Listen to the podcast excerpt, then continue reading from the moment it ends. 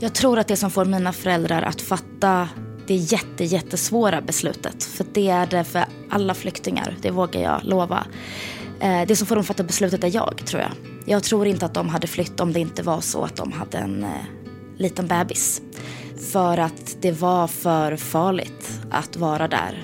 Och jag tror att de också kände att vi vet inte när det här kriget tar slut. Vi vill att hon ska få en framtid. Jag tror att det var det som blev det avgörande.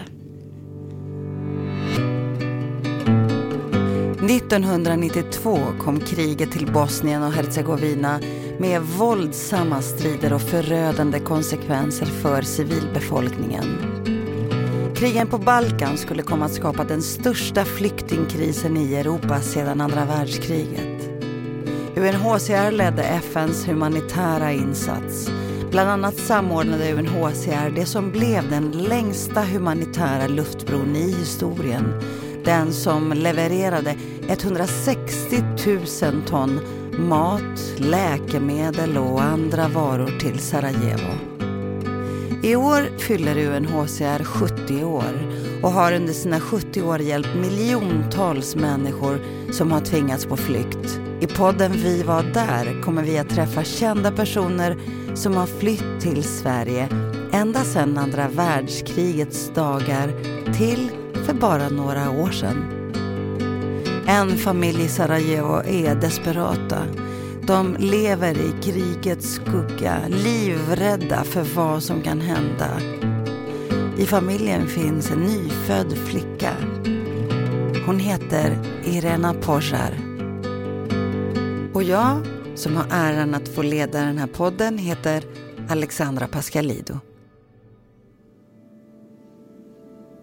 Den bilden jag har av det huset där jag och min mamma var under kriget, eh, det huset i Kroatien har jag en väldigt tydlig bild av. För det är ett hus som jag fortfarande återvänder till varje sommar. Och det är ett hus med två våningar. Eh, min farfar byggde det på 60-talet. Så det är väldigt så ojämna trappor och lite ojämn fasad, men väldigt charmigt. Eh, men när jag var liten så fanns det ett stort citronträd i trädgården. Det fanns två våningar, nu finns det tre. Eh, och min farfar eh, var alltid väldigt intresserad av växter och blommor. Eh, han planterade till och med blommor i min gamla potta. Så varje sommar när vi sen återvände dit, när vi kom från Sverige för att hälsa på på somrarna, så växte det alltid en ny växt i den pottan jag hade tränat på att gå på när jag var ett. Och det var, och det var krig. Det är ett jättefint hus i sten med, eh, vad heter det? Vindruvor. Med vindruvor som växer som liksom skapar en skugga. Och allt det här är otroligt fint men också otroligt ensamt på något sätt. Eh, det är ett hus som ligger, det är en pytteliten by. Eh, det bor kanske 60 personer där. Eh, och det här huset ligger högst upp för farfar ville inte att det skulle vara några grannar som kunde se in runt omkring. Eh, och det är lite som en, det huset har alltid varit lite som en oas för mig, både då under kriget men också under hela min uppväxt, min, min tryggaste plats.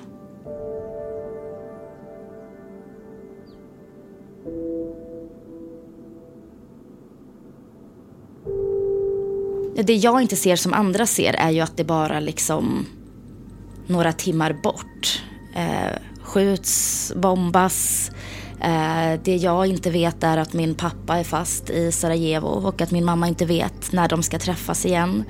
Eh, jag vet inte att det är svårt att få tag i mat för jag går sällan hungrig som jag minns det.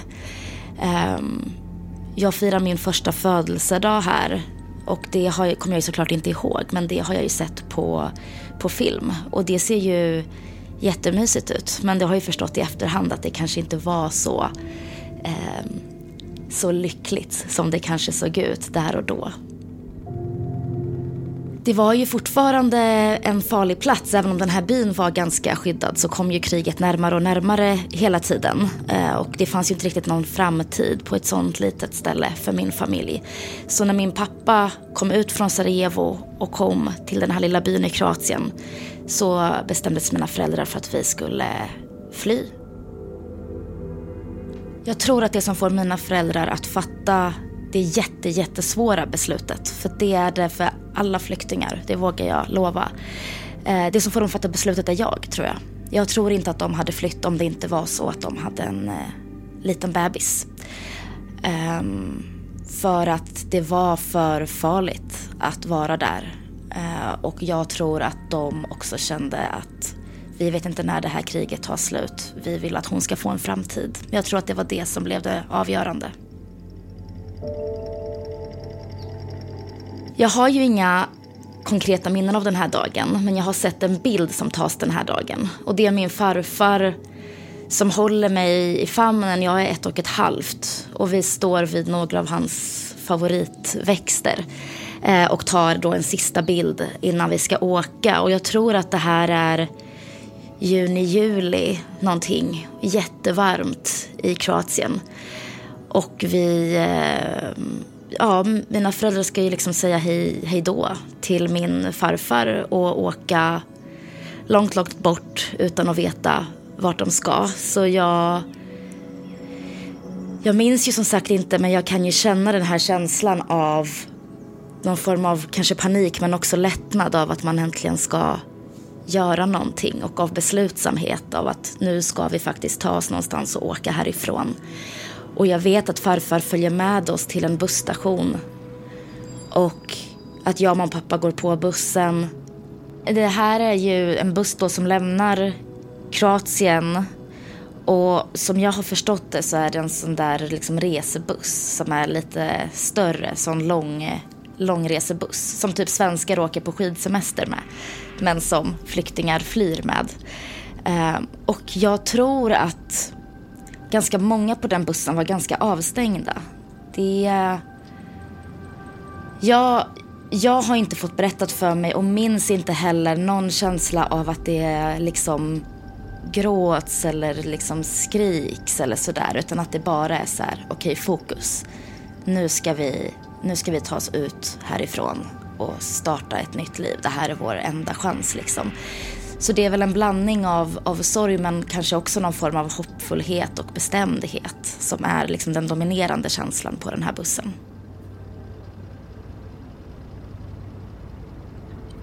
Vi sitter i den här bussen, jag, mamma och pappa, och vi är på väg mot Sverige. Och vi tror och hoppas att vi kommer att bli insläppta. Eh, den här bussen åker på färjan i Rostock tror jag och kommer till Skåne. Eh, och vi blir insläppta och det är som jag har förstått det en av de sista bussarna med asylsökande som släpps in i Sverige den sommaren.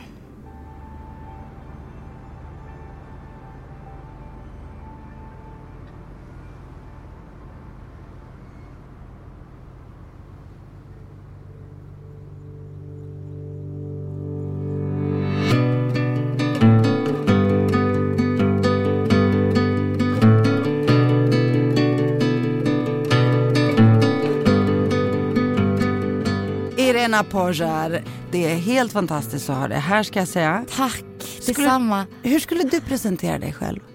Oh, menar du liksom professionellt? Ja, ja. eller kanske också personligt. jag skulle säga att jag är chefredaktör för Veckorevyn. Eh, VD för Sveriges minsta och mest ofrivilliga mediebolag och krönikör i Expressen den här eh, poddserien handlar om flykten, mm. eh, så är ju du en av de här fantastiska förgrundsgestalterna. Eh, en människa som är, har varit flykting, som bär med dig den här flykten, som har blivit präglad av flykten. Så jag vill veta, hur gick den här resan? Nej men ska vi börja från början? Ja, kan, eh, kan, vi inte göra det? Ja, vi, vi backar till 90-talet då. Eh, I januari 92 så eh, föds jag 5 januari i Sarajevo i Bosnien. Och när jag är fyra månader gammal så blir Sarajevo ockuperat.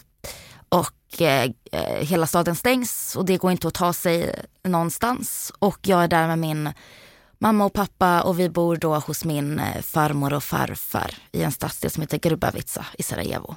Och på något sätt så lyckas jag och mamma ta oss ut från Sarajevo och åka till Kroatien där min farfar, han har lyckats ta sig dit tidigare för att han har kroatiska rötter. Ja. Min familj är väldigt så som man tänker att det är på Balkan. Mamma muslim, eh, farfar katolik, farmor ortodox, liksom, du vet hela den här saliga blandningen som är så underbar men som också var en stor del av problemet när kriget väl, när kriget väl kom. För det var sånt man inte riktigt reflekterade över tidigare? Inte då och framförallt inte i Sarajevo. Jag tycker att jag har varit där mycket um, varje, varje år sen jag var, sen jag var liten. Och, och det som är så fint är att man liksom inom en radio på 100 meter kan se liksom en moské och en kyrka och en synagoga. Liksom. Um, men där och då spelade det jättestor roll att min mamma kom från en muslimsk familj. Eh, men vi lyckades ändå då tack vare att min, min pappa hade via sina föräldrar kroatiska rötter ta oss till Kroatien och vi var där i ett sommarhus, min farfars sommarhus. Jag och mamma eh, och pappa var, pappa var kvar i Sarajevo med sin mamma um, och var där länge och mamma var själv med mig um, i Kroatien eh, i en jätteliten by där det inte ens fanns liksom en affär, det fanns ingen mat, det fanns ingenting. Um, vi hade grannar som uh, hade känt min pappa sedan han var liten som kom och liksom hämtade mina blöjor varje kväll och tvättade dem och strök dem och kokade dem och kom tillbaka liksom uh, nästa morgon. Men det var, det var det enda vi, vi hade och det gick ju inte att kommunicera med min pappa. Så det var ju liksom ett år av att min mamma inte hade någon aning om ifall han ens levde liksom. Hon var bara där själv med mig. Och nu när jag själv har blivit förälder så är det svårt att föreställa sig. Alltså att bara att i världens rikaste land i en stor och varm lägenhet med kylskåp fyllt känner man sig helt överväldigad av att bli förälder. Så det, det är svårt att föreställa sig hur man, hur man eh, orkar det. Men det gör man ju såklart. Vad gjorde dina föräldrar innan kriget kom? Mina föräldrar levde eh, de beskriver det som ett drömliv. Eh, båda hade gått på, eh, alltså pluggat konst, båda är konstnärer. Jobbade på, på reklambyrå, de hade en eh, restaurang som de hade för skojs skull för att de tyckte det var kul. De hade byggt klart sitt drömhus bredvid pappas bästa kompis lite utanför Sarajevo. Eh, de åkte till eh, Italien på weekends och köpte fina skor och, och mat. Så det, det, var liksom en bemedlad konstnärlig akademikerfamilj? Ja, det var det. Um, och, och, Som egentligen kunde se fram emot ett fantastiskt liv antar jag? Ja, eh, ett, ett, eh, ja som de fortfarande beskriver det, ett, ett drömliv. De saknade ingenting. Um, och hade precis, min mamma var 32 och pappa 31 när kriget började. Mm. Och hur kom ni till Sverige? Först var det så att pappa då lyckades ta sig ut från Sarajevo. Han var inte med i, i militären och lyckades på något sätt hastla sig ut. Det var ju väldigt svårt för män framförallt att, att lämna Sarajevo som ju var ockuperat i fyra år. Eh, han lyckades ta sig därifrån och helt plötsligt så bara kom han till, till Kroatien, till det här liksom, huset. Och mamma kände inte ens igen honom för att han, ja, men han hade blivit så smal. Det fanns ju inget att äta på, på flera år liksom. Um, och sen så är jag är faktiskt inte helt säker men vi fick i alla fall åka uh, buss till Sverige. Så det var liksom eh, relativt ordnat. Men det var fortfarande väldigt oklart vart man skulle hamna, var man skulle bli avsläppt. Um, men jag tror att vi var en av de sista liksom, bussarna som kom som uh, fick komma in i, i landet innan man, innan man stängde då var ju, under en tid då under Balkankriget var ju flyktingmottagandet väldigt generöst liksom. Och vi, vi hamnade bland, bland dem. Så vilket år kom ni till Sverige? 93, 93. sommaren 93. Och vart kom ni då? Då kom vi till Växjö i Småland där det fanns en flyktingförläggning i älvan där. Eh, men min mammas familj hade haft vänner i Sverige eh, som bodde i Skåne eh, eller Blekinge oklart. De bodde någonstans i södra Sverige. Eh, och min mamma hade liksom varit på semester i Sverige när hon var liten. Så hon, hon kände dem. Så när vi väl hade, först var man tvungen att åka till den här flyktingförläggningen, man måste registrera sig och så. Man får liksom inte bara åka iväg någonstans. Eh, men sen var vi hos dem ett tag under den sommaren. Och där har jag också så här, det finns filmat liksom att vi, vi grillar och jag går runt och alla kläder är så väldigt stora för allting är typ merch. Alltså jag hade så typ en stor tröja med en dator på från något datorföretag. Alltså för att man, vi fick ju bara, man fick ju kläder som skänktes liksom. Det var inte så, här är någonting i din storlek, utan det är väldigt. Men, men nu i efterhand så, eh, nu kan jag ju se på det som någonting fint men jag skulle tycka att det var jättejobbigt om jag var mina föräldrar och jag inte kunde köpa kläder till, till mitt barn. Liksom. Men jag tror på ett sätt också att det var det, var det minsta eh, problemet. För sen skulle man liksom komma från Sarajevo och hela den här liksom, eh, liksom en del av någon form av liksom kultur och akademisk sfär till att vara värd noll med ett språk som ses som, som fult med en bakgrund som ses som ful. Um, och framförallt vet jag att det var svårt för mina föräldrar att den här liksom ihopklumpningen av, av flyktingar, liksom. Uh, det där var svårt för dem att, att navigera i det där. Att, att man pratade om flyktingar som att alla hade en och samma kultur och ett och samma språk. Mm. När det, Flyktingar och invandrare får man, ja, precis. från hela världen. Ja, exakt. Som att det bara är en stor, en stor massa. Och där, när man redan har förlorat så mycket, man har liksom förlorat alla sina saker, alla sina pengar. Många förlorar För familj. de förlorade, dina föräldrar, de förlorade, för det är precis som du säger, flykten är ju synonym med förluster. Ja, Vad förlorade dina föräldrar? men vi kom ju till Sverige med ingenting i princip. Alltså vi kom med det vi, vi hade på oss. Liksom. Det var inte som att man, ehm, det, det, fanns, det fanns inga pengar, det fanns eh, väldigt lite kunde ju räddas. Ska man liksom på en buss är det inte som att man packar alla sina favoritkappor och skor liksom. Eller tavlor. Eller, Eller en liksom. favoritbyrå? Ja eller- precis, utan det är ju bara, du, du bara drar ju liksom med det du, det du har på kroppen.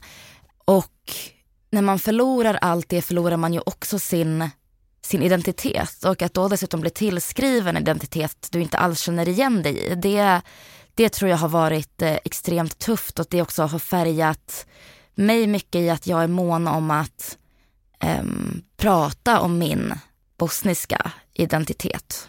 För att jag är rädd att förlora den. För då känns det som att jag förlorar dem på något sätt. Om du förstår vad jag Mm, Absolut, menar. att du berövas Mm. på det där, att det är någon annan. Eh, men, men eh, och, och dina föräldrar när de kommer hit, de upplever den här klassiska degraderingen som Mm. alla utsätts för. Så de går från att ha varit konstnärer Mm.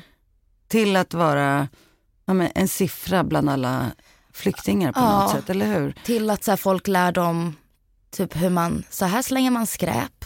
Och de bara, ja.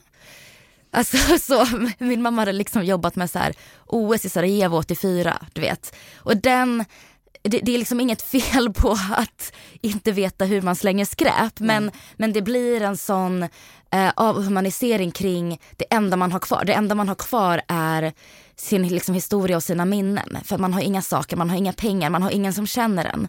Och så blir man berövad det också. Och då blir det liksom en, Men, men det känns också att utgångspunkten är liksom väldigt låga förväntningar. Som att, okej, eh, att människor som har flytt till och med inte vet hur man går på toa, hur man Ja. tvättar sig, Ja. hur man håller sig ren och fin. Och, Ja. och, och, och jag vet eh, via min, min familj och mina föräldrar att det enda och det viktigaste var att vara ren och hel. mm, mm. Att det finns ju inte så mycket annat att värna om. Det finns Nej. inga prylar, inga byråer, inget arvegods, inget man tar med sig. Nej. Det enda man tar med sig är någon slags grundläggande, Exakt. eller hur, vetskap om hur man, hur man är hel och ren. Exakt, och då är det som att till och med det ska tas ifrån en. Och vad har man då kvar? Absolut ingenting. Så vad började dina föräldrar, föräldrar arbeta med här i Sverige? De började jobba direkt med olika saker. Pappa började jobba med en, eh, med en person som liksom eh, eh, anställde honom på ett, jag tror att det var på ett tryckeri. Och sen så eh, mamma, både mamma och pappa började liksom måla krukor och sälja på torget och sen öppnade de en blomsteraffär och sen öppnade de en godisbutik och sen öppnade de en belgisk pralinbutik i Växjö. Um, så att de har hela tiden så här, vi, vi kör liksom. Um, Okej, så driftigheten fick du med modersmjölken? det kan man, Låter som det kan man säga. Ja men de har alltid liksom, eh, de har, det fanns inget alternativ, de, de fick bara eh, lösa det. Och eh, hade väl liksom folk på vägen som som hjälpte dem med det. Men, men sen så småningom när det blev liksom lite stabilare, då började min mamma jobba som lärare eh, modersmål och, Mm. eh, och bild. Bosniska. Mm. Ja, bild, eller serbokroatiska Ja, som det ju heter. Precis. Ja. Men, eh, och bild och min pappa har liksom fortsatt på den här egna banan men han har också haft liksom tryckeri och han har haft en bilrekond och liksom Mm. alltid, all, de har alltid jobbat väldigt mycket. Men dina första minnen Mm. eh, av, som har med flykt att göra, är det någonting ni talar om? Alltså hur, hur, hur ser dina första minnen ut? Ja men det är, jag minns, alltså jag har ganska sena minnen, alltså kanske mer från att jag är fem eller så. Jag minns inte, vissa kan ju minnas från när de är ungefär tre. Jag, jag kommer inte ihåg det alls. Jag, jag minns vår liksom, första flytt inom Växjö. Och jag vet inte varför den har liksom etsat sig fast. Eh, men, men det jag minns är hur vi är så noggranna med att eh, prata med mormor och morfar och farmor och farfar, att vi skriver brev, att vi, ehm, man skickar bilder, vi, vi gör video, liksom inspelningar. Och att jag tror att jag där någonstans förstår att vi har lämnat någonting som vi måste försöka liksom, hålla kontakt med. Och sen så åker vi, och det har jag inte heller några minnen av, men jag är ju fyra då tror jag när vi åker tillbaka första gången. För då har min lillebror fötts. Eh, och de har aldrig träffat honom och då är det fortfarande lite liksom oroligt. Men då åker vi till Kroatien och sen så möts alla, alla där. Och därifrån finns det också bilder och så, men det är absolut ingenting jag, jag kommer ihåg. Och jag vet inte om det är um, någon eh, skyddsmekanism eller om jag bara hade så huvudet upp i det blå liksom, när jag var så liten. Ehm, men, men jag minns väldigt mycket den kommunikationen med Bosnien och hur viktig, hur viktig den var. Det är så otroligt sorgligt tänker jag, det som hände i forna Jugoslavien Ja. eller, och på Balkan. Alltså jag tänker på alla de, och, och, och, och, jag tänker också, för min pappa bodde ju där i nio år i, Mm. i Novi Sad och jag har liksom en hel familj som på något sätt eh, har starka band till, till landet eller länderna, det som Ja. blev de olika länderna. Mm. Och jag tänker hur fort det gick. Mm. Att, att man över en natt blev, att plötsligt blev din mamma muslim och din pappa blev Alltså vad hände egentligen? Har du, har du och dina föräldrar diskuterat det här? Hur gick det här till egentligen? Jo, vi har diskuterat det ganska mycket. Vi, vi brukar inte prata så mycket om deras upplevelser i, i detalj. De är inte mycket för det. Ehm, men vi har ju pratat mycket om liksom the rise and fall av Jugoslavien eller vad man ska säga. Och hur, eh, Eh, för mig har det varit viktigt att prata med dem om det för att jag har ofta liksom fått, fått höra, eller jag, jag tycker mig ha sett att det finns liksom en diskussion kring så här, men det måste de väl ha fattat att det skulle hända. Eh, trodde de verkligen att liksom Tito, en diktator, skulle kunna hålla ihop det här och så. Men så var det ju inte för dem. De var ju chockade, alltså när kriget började så var folk fortfarande så, va? Ett krig liksom. De tyckte ju Alltså att det fanns en jätte liksom, ehm, en jättetrygg befolkning och det fanns liksom trygga sociala system för de, för de flesta. Liksom. Det är klart att folk kunde falla utanför och, och att de tänkte så här, det händer inte här. Och det är därför, För det slog mig, Mm. Irena, när jag var i Sarajevo och Srebrenica, eller Srebrenica, Ja. säger, eh, och, och åkte runt där och träffade kvinnor. Som, några av dem hade blivit våldtagna under kriget, mm, några hade till och med fått barn efter våldtäkterna. Men i de här sammanhangen eh, så träffade jag kvinnor som samarbetade över alla gränser och jobbade med försoning. mm, Och det alla sa var att de förstod ingenting. nej. Hur de plötsligt från över en natt blev fiender. Mm.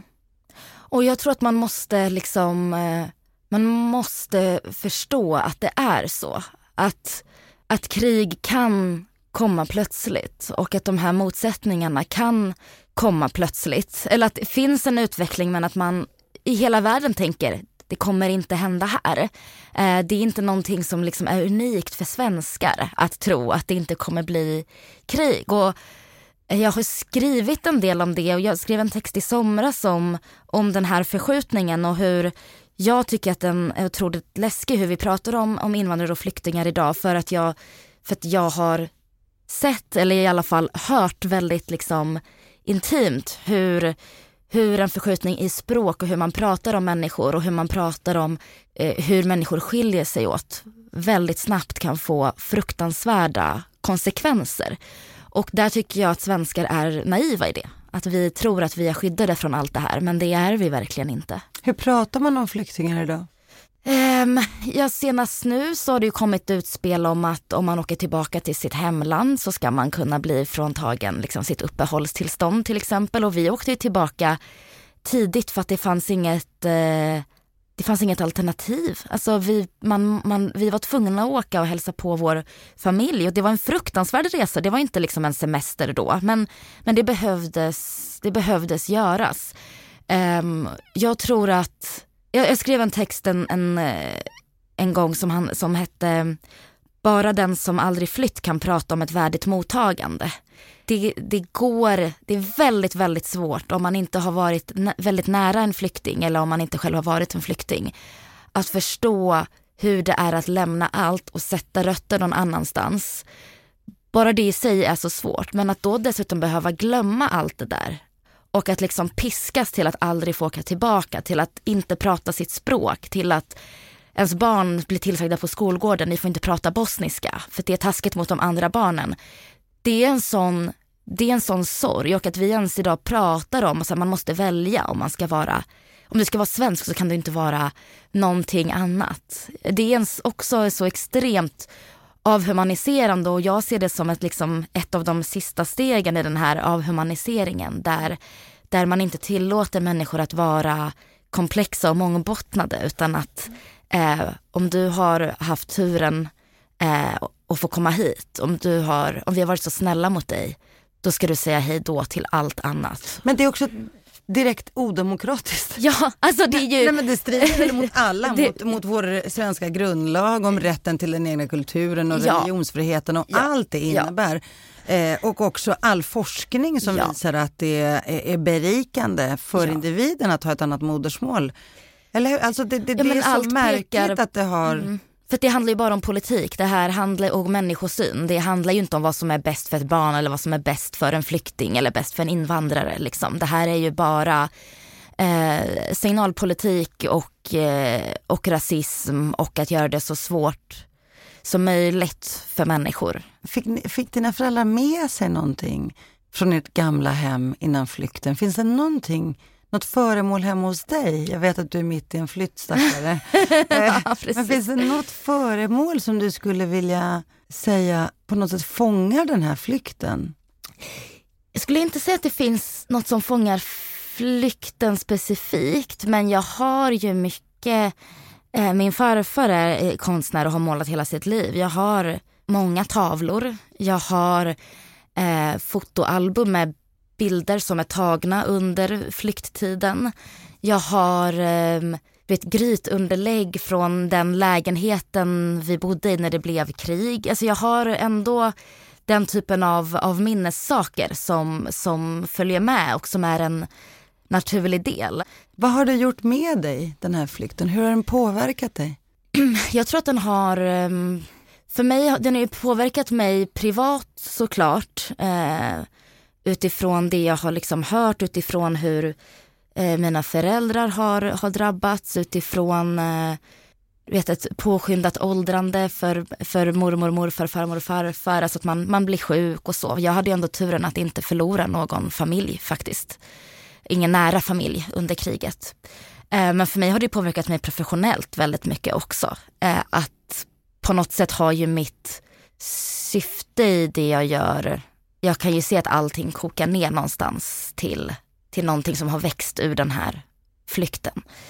Och eftersom, som jag sa innan, jag tycker inte att jobba är det roligaste som finns. jag tycker väldigt mycket om att vara ledig. Ja. Så är det när jag har den här ändå liksom eh, grundmurade liksom syftesdrivna stilen att arbeta eller vad man ska säga, så ser jag ju att den, den bygger ju helt och hållet i princip på den här flykten på flykten, för du har ett kall, du har en uppgift. Ja, på något sätt. Och jag tror att den... En mening med Ja, men precis. Mm. Mer än, jag tror inte att jag kan säga något som ingen annan redan har sagt. Men jag kan vara en av de många som är med och, och påminner hela tiden om vad som, vad som har hänt och vad som kan hända. Mm. Och vad konsekvenserna kan bli. Det är ju ett arbete som tyvärr liksom ofrivilligt läggs på, på väldigt många invandrare och kanske framförallt nu när liksom andra generationen tar över. att ja, men Det blir ju samma mekanismer som när vi pratar om så här, mm, förintelsen överlever, att man måste liksom berätta historien vidare och det känner jag väldigt starkt att det måste vara en del av min identitet för om det inte är en del av min identitet så mm. tänk om alla tänker så. Liksom. Mm. Samtidigt har jag förståelse för att man inte orkar det, att man bara säger så här, alltså assimilerar sig helt och bara jag är 100% svensk, jag ska aldrig åka tillbaka. Att man är liksom sårad och ledsen och traumatiserad. Eh, men för mig har det snarare blivit en, en drivkraft. Ja. Hur var det att växa upp på 90-talet, där mitten på 90-talet som flyktingbarn i Sverige?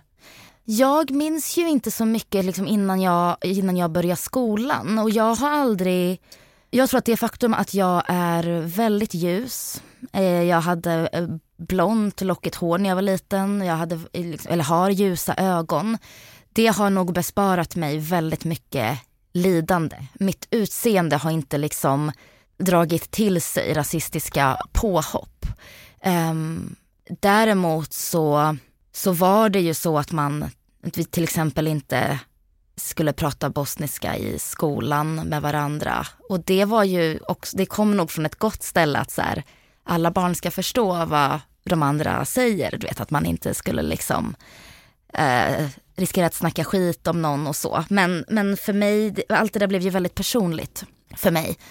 Och jag såg ju också hur eh, personer som inte var vita blev behandlade illa liksom, och mobbade i skolan och så. Och jag, eh, jag slapp ju det som sagt. Samtidigt så kunde jag ju se hur, hur andra eh, drabbades och det var ju en ganska svår tid där under, under 90-talet. Och eh, även om du hade förmånen som du säger att vara ljus mm. så kanske du ändå identifierade dig med människor som hade kommit till Sverige. Väldigt mycket så och jag såg ju att så här, Um, mina föräldrar som hade en brytning blev ju bemötta annorlunda. Alltså det, det är väldigt små, små nyanser som krävs för att man ska bli eh, ifrågasatt och, och utsatt för olika typer av rasism. Mm. Um, så att det, det är klart att det fanns, det fanns med hela tiden. Jag fick väldigt ofta höra, uh, men du är ju du är inte som andra invandrare. Och väldigt länge så såg jag det som komplimang och nu för att jag inte förstod kanske.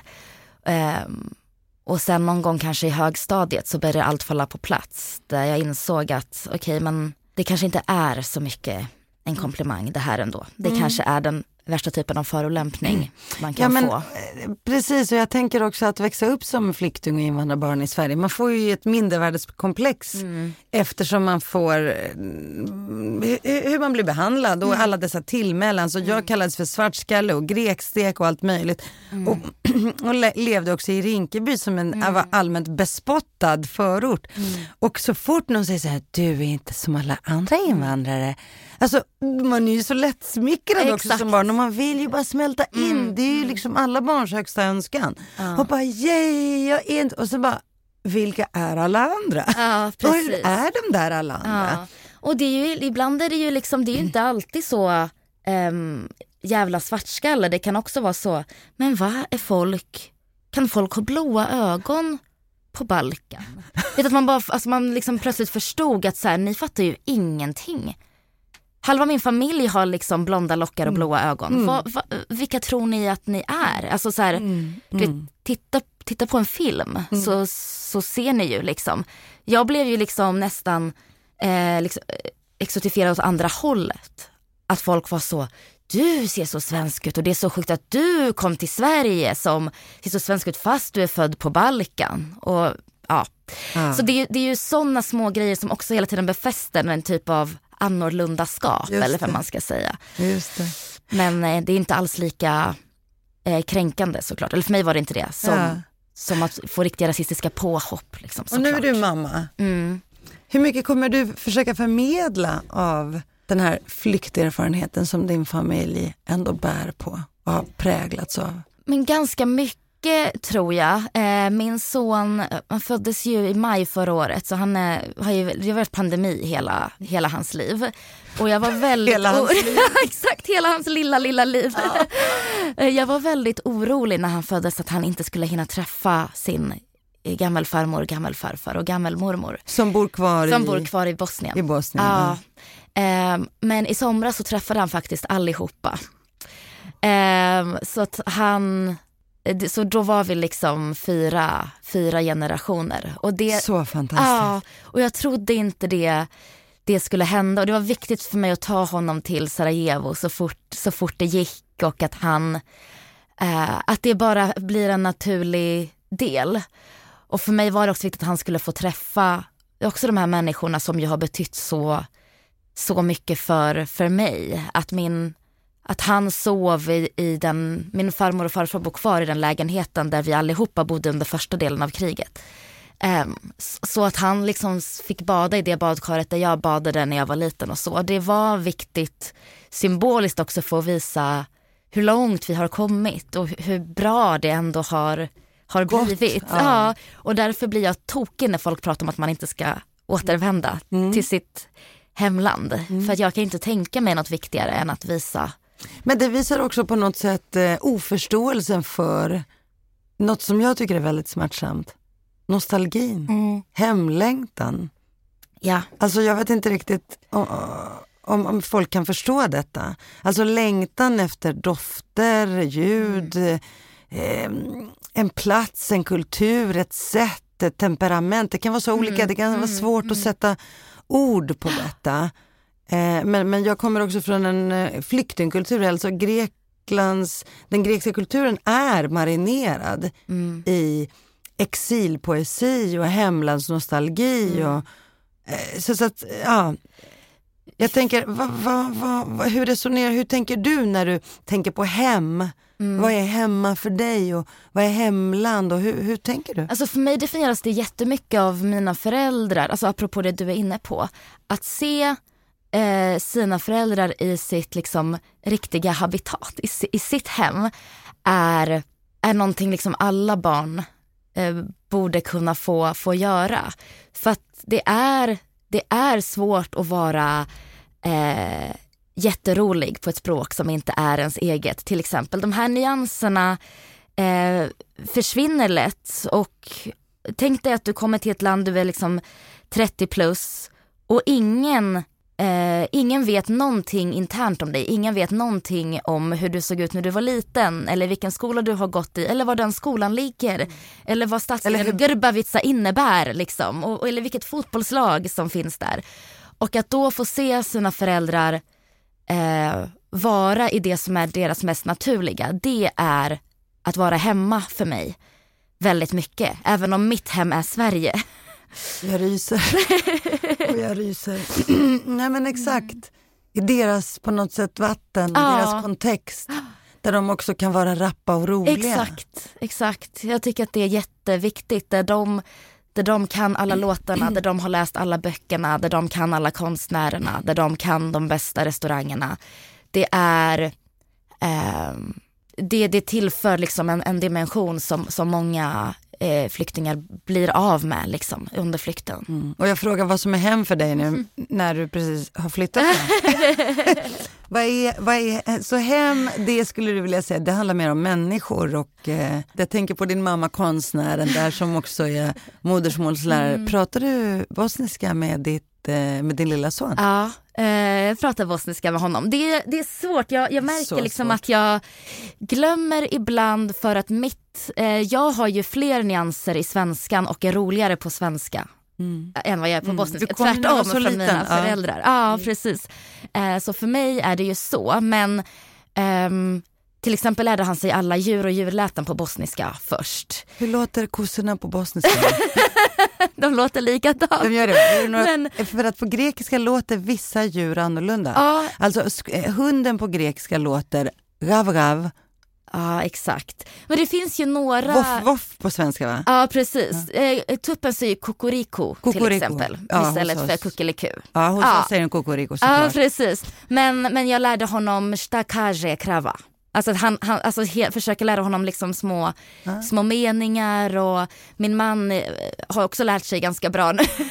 han, bra, ja. han, har varit väldigt, eh, han har inte varit en jättetalang på det bostniska språket men nu sitter han också och så övar djur och vi räknar alltid på bostniska och sådär. Men gud så användbart för din man att kunna veta vad, hur tuppen låter. Ja precis och de kollar på så serbiska Youtube-kanaler eh, liksom och så hör man så att de sjunger, vet Per Olsson hade en bonnagård på ja. serbiska och då är det, så, det är väldigt, det är väldigt, väldigt roligt. roligt uh, men så jag, jag eh, mitt mål är att han ska kunna eh, åtminstone liksom kommunicera med, eh, med folk när han är i, i Kroatien för vi kommer fortsätta åka dit på somrarna liksom. Men jag tänker att eh, allt fler människor mm.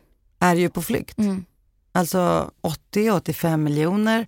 Eh, så det här är ju ingenting, det är inget övergående fenomen tyvärr. Eh, vad tänker du, vad behöver vi göra i den här tiden? Hur kan vi, hur kan vi på något sätt försöka hantera det här värdigt och hela den här frågan?